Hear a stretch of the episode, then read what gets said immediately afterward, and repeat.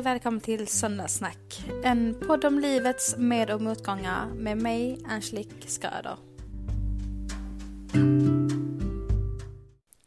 I förra podden så sa jag att vi skulle ses nästa söndag. Det gör vi också. Men självklart så skulle ett bonusavsnitt få plats på publiceringsdagen. Så nu kör vi!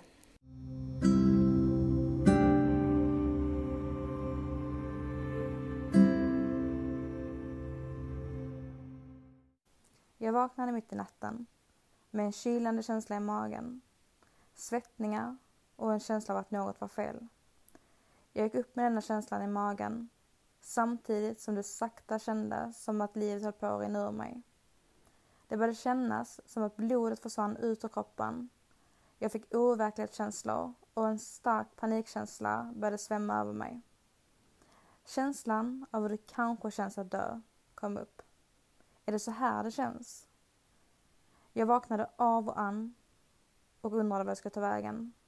Ska jag ropa på hjälp? För det känns som att jag när som helst kommer tuppa av. Det känns som att jag inte snart kommer få någon luft. Det brändes i nacken, det domnade i magen och i fingrarna. Jag skakade på armarna för att få igång kroppen igen. Jag ville slita av mig alla mina kläder och bara gråta. Paniken kom mer och mer samtidigt som jag försökte hålla den borta så länge som möjligt. Jag gick omkring och skakade på mina armar, försökte få liv i kroppen som sakta höll på att komma tillbaka. Det var hela tiden en skör känsla. Lite för mycket tankar på att bli lite mer rädd kunde sätta ännu mer fart på panikkänslorna. Kroppen började göra som jag ville. Den var inte längre styrd av ångesten och jag kunde snart slappna av igen.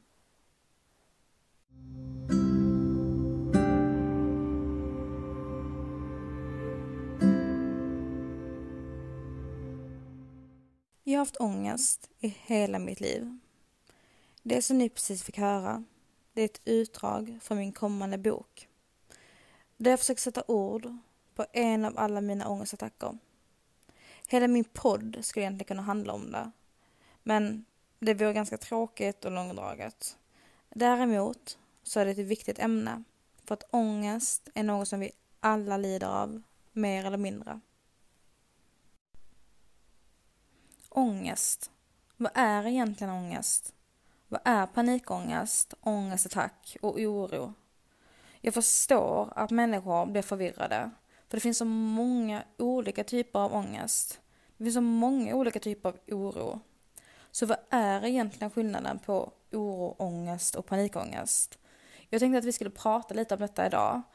Bara lite kort om just oro, ångest och panikångest. Och utöver det så finns det ju flera, flera andra typer av ångest. Men vi pratar lite om dessa tre, tänkte jag idag. Oro, det är en tankemässig process där kroppen och hjärnan, rent hypotetiskt, förbereder sig inför något negativt med en tanke som tänk om. Tänk om det händer. Tänk om det går dåligt. Men tänk om. Hur många gånger har man tänkt så? Helt ärligt. Jag tror vi är flera som har tänkt så. Minst en gång. Eller flera. Men till exempel. När man tänker på något negativt som skulle kunna inträffa. När man förbereder sig på hur man ska hantera en konsekvens som kan uppstå Oro är särskilt vanligt när människan upplever nya, oklara och oförutsägbara situationer. Och eftersom att nästan allt i livet är oförutsägbart, vi vet inte riktigt vad som kommer hända. Vi vet inte vad som händer imorgon, eller om en vecka, eller om ett år. Och detta gör att människor ofta går runt med väldigt mycket orostankar, speciellt inför vad som kommer att hända i framtiden. Och detta är så vanligt. Uh, liksom, det här är någonting som oavsett om man lider av en ångestdiagnos eller inte, så drabbas man oftast någon gång av detta, mer eller mindre. Det kan till exempel vara för oro inför vad som kommer hända under dagen. Det kan också vara oro inför en föreläsning, hur kommer det gå? Eller det kan vara oro inför att hur ska jag kunna försörja min familj resten av denna månaden? Det, det finns en, det här liksom kan vi spä på i en oändlighet. Det finns oro kring allt. Vilken färg ska jag ha på mina naglar? Vilken mat ska jag köpa imorgon? Det finns Människor kan oroa sig över allt. Till skillnad från oro så är ångest något som uppstår i kroppen och ingår i det som kallas för larmsystemet, vårt så kallade kamp och flyktsystem, där kroppen förbereder sig för att slåss och fly. Vid ångest så kan det kännas som ett tryck över bröstet, att andningen blir tyngre och som att man får en stor klump i magen. Ångest kan förekomma när man går runt och bär på orostankar i situationer som upplevs som obehagliga, stressiga eller skrämmande. Och det kan även förekomma när vi sover för lite, inte rör på oss eller står inför en konflikt. När kroppen inte riktigt är i balans helt enkelt. Vi kan också uppleva ångest när vi har gjort något som vi vet att vi inte borde. Till exempel köpt något alldeles för dyrt. Ni vet när man, man går ut på stan, man shoppar lite extra och så köper man med sig den där dyra jackan hem och så kommer man hem och så känner man bara åh, varför köpte jag den jackan? Jag behövde inte den egentligen, jag, och jag har inte råd till den. Och så får man lite ångest. Och så behåller man den ändå. Men det kan vara allt möjligt. Det kan vara att du avslöjar en hemlighet. Eller att du har ljugit för någon som du bryr dig om. Och andra faktorer som kan trigga igång ångestkänslor, något som vi oftast kanske inte riktigt tänker på eller inte ens är medvetna om. Det är till exempel koffein, nikotin och alkohol.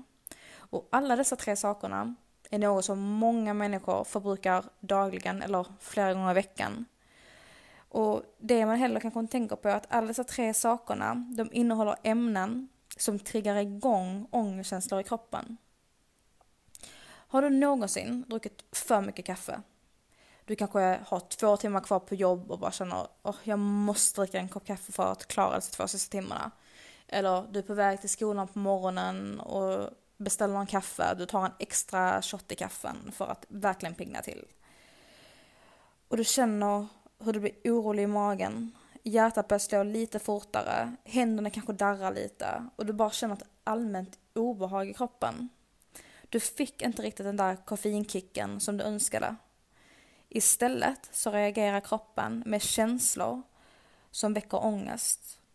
Och för en person som då redan lider av panikångest så kan detta vara väldigt obehagligt. Det kan lätt trigga igång en ångestattack.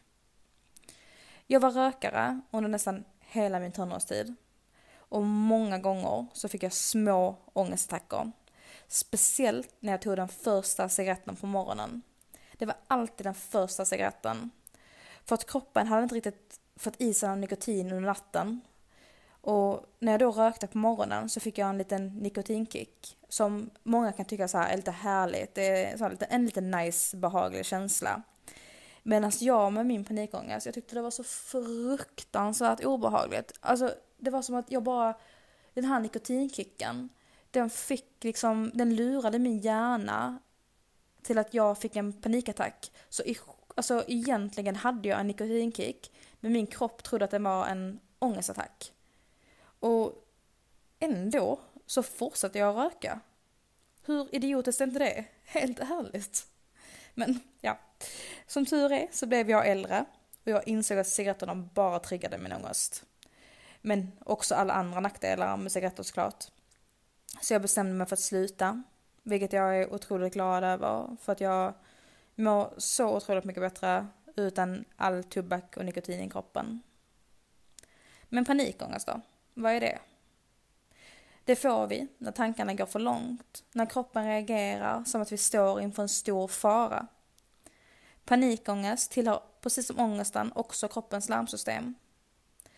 Det är oftast sammankopplat till en händelse eller en tanke som triggar igång panikångesten. Det kan till exempel vara, som jag sa tidigare, att tankarna går för långt.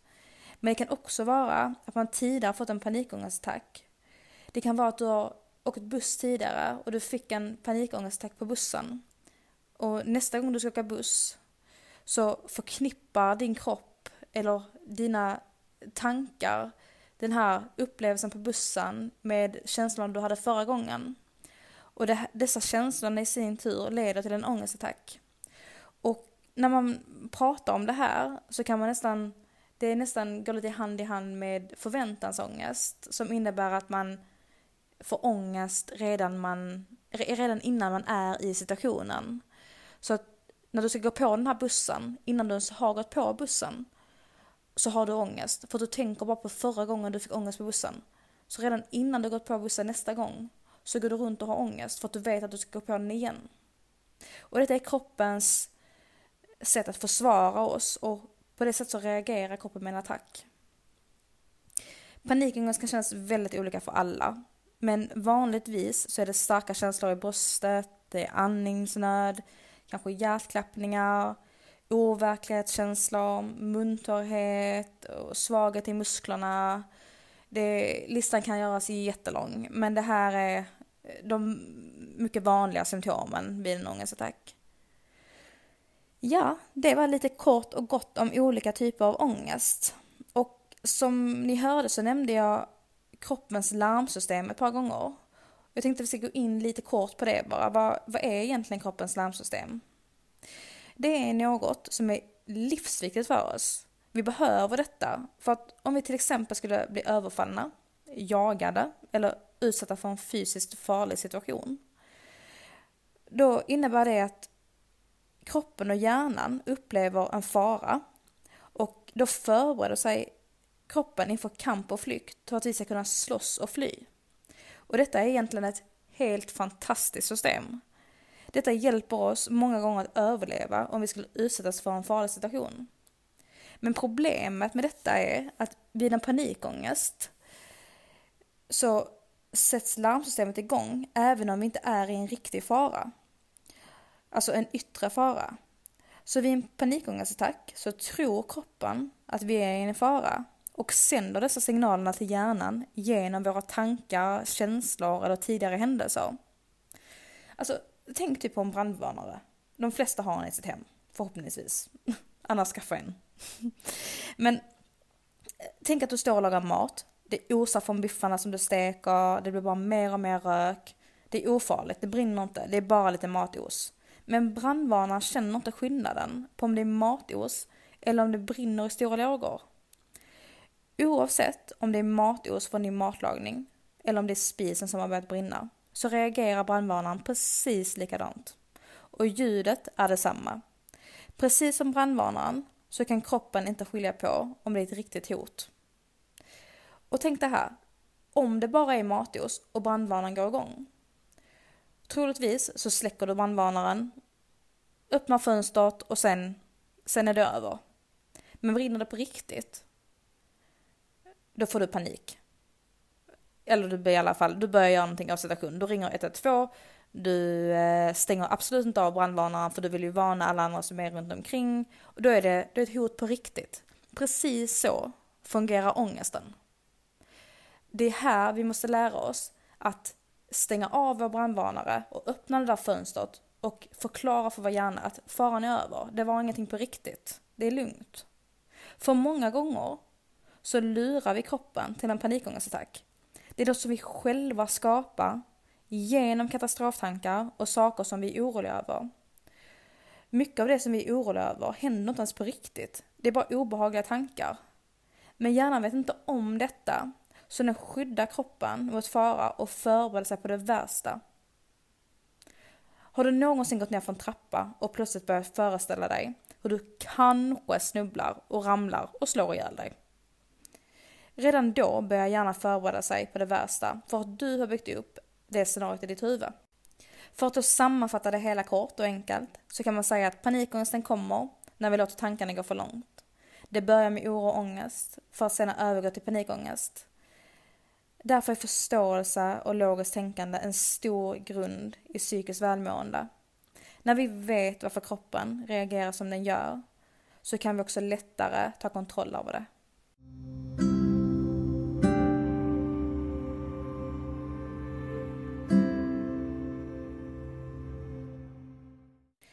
Är ångest alltid dåligt? Förut hade jag definitivt svarat ja. Jag var livrädd för min ångest. Det var det värsta jag visste. Det är fortfarande inte kul, men jag är inte rädd för det. Så idag så svarar jag nej, absolut inte. Det finns många olika typer av ångest. En del människor lider av prestationsångest. De känner kanske stor press inför att alltid presentera, äh, pre, äh, nu kan jag inte prata här, presterar bäst. har högsta betyg på alla proven, alltid ligger steget för alla andra. Och om en person med prestationsångest misslyckas med detta så uppstår ångest. Men är det alltid då dåligt? Om det faktiskt driver en att lyckas med något bra? Det är ju aldrig roligt att ha ångest. Men något som jag har lärt mig, det är att använda ångesten som drivkraft. Att utsätta mig själv för det som jag är rädd för. Vad händer om jag inte får högsta betyg? Kommer jag att känna mig misslyckad? Och kommer jag få ångest? Känn efter om det är något som påverkar dig negativt eller om det faktiskt är en positiv ångest som driver dig framåt. Självklart ska ingen behöva må dåligt av sin ångest, oavsett orsaken till det eller vilken typ av ångest man upplever. Men det är också viktigt att komma ihåg. För att lära sig nya saker, testa nya saker, göra saker som vi inte är vana vid eller utsättas för saker som skrämmer oss så kommer vi ha ångest. Och det är här vi också måste använda vår ångest som drivkraft för att kunna växa och utvecklas. Många gånger har människor frågat mig, vad kan jag göra för dig om du får en panikattack? Det är alltid lika svårt att svara på den frågan. För helt ärligt så vet jag inte riktigt. För i den stunden, när det känns som att hela kroppen ska falla ihop, hjärtat slår obehagligt fort och det känns som att kroppen inte får tillräckligt med syre, då vet jag inte vad jag vill. Jag vet inte vad jag behöver. Och jag vet inte vad som kommer att hjälpa mig. Förutom att jag på något sätt måste samla mig och komma ner i varv. När kroppen väger ner i varv och attacken nästan är över, då är det lättare att tänka klart. Då kan jag äntligen tänka logiskt. Och många gånger har jag då försökt tänka på vad jag verkligen behöver i de stunderna. Hur kan min omgivning, omgivning underlätta för mig? Kan de hjälpa mig på något sätt? Hur kan jag hjälpa mig själv? Och med åren så har jag ändå kommit fram till några tips och knep som funkar för mig. Och dessa har jag då delat med mig av till vänner och familjemedlemmar. Och dessa tips och knep är ju någonting som fungerar för mig, kanske inte för alla andra. Men jag vill ändå dela dem med er för att det kanske kan hjälpa någon. Kanske dig som är en partner, vän eller familjemedlem, anhörig, bekant till någon som lider av psykisk ohälsa. För ibland är det väldigt svårt att veta om ens agerande inför den som mår dåligt hjälper eller stjälper. Och det finns nog inte något riktigt bra svar på det heller. Dessutom är det ganska individuellt från person till person. Men något som jag lärt mig under mina år med KBT är att vid en panikattack så behöver en del personer utrymme medan andra personer behöver bli omhållna. Vissa behöver bara en kram medan vissa vill bara bli lämnade i fred. Och här är det viktigt att fråga och lyssna på vad just den personen i din närvaro behöver. Om personen inte vet, eller om du inte har hunnit fråga, var bara där. Men lämna inte personen helt ensam.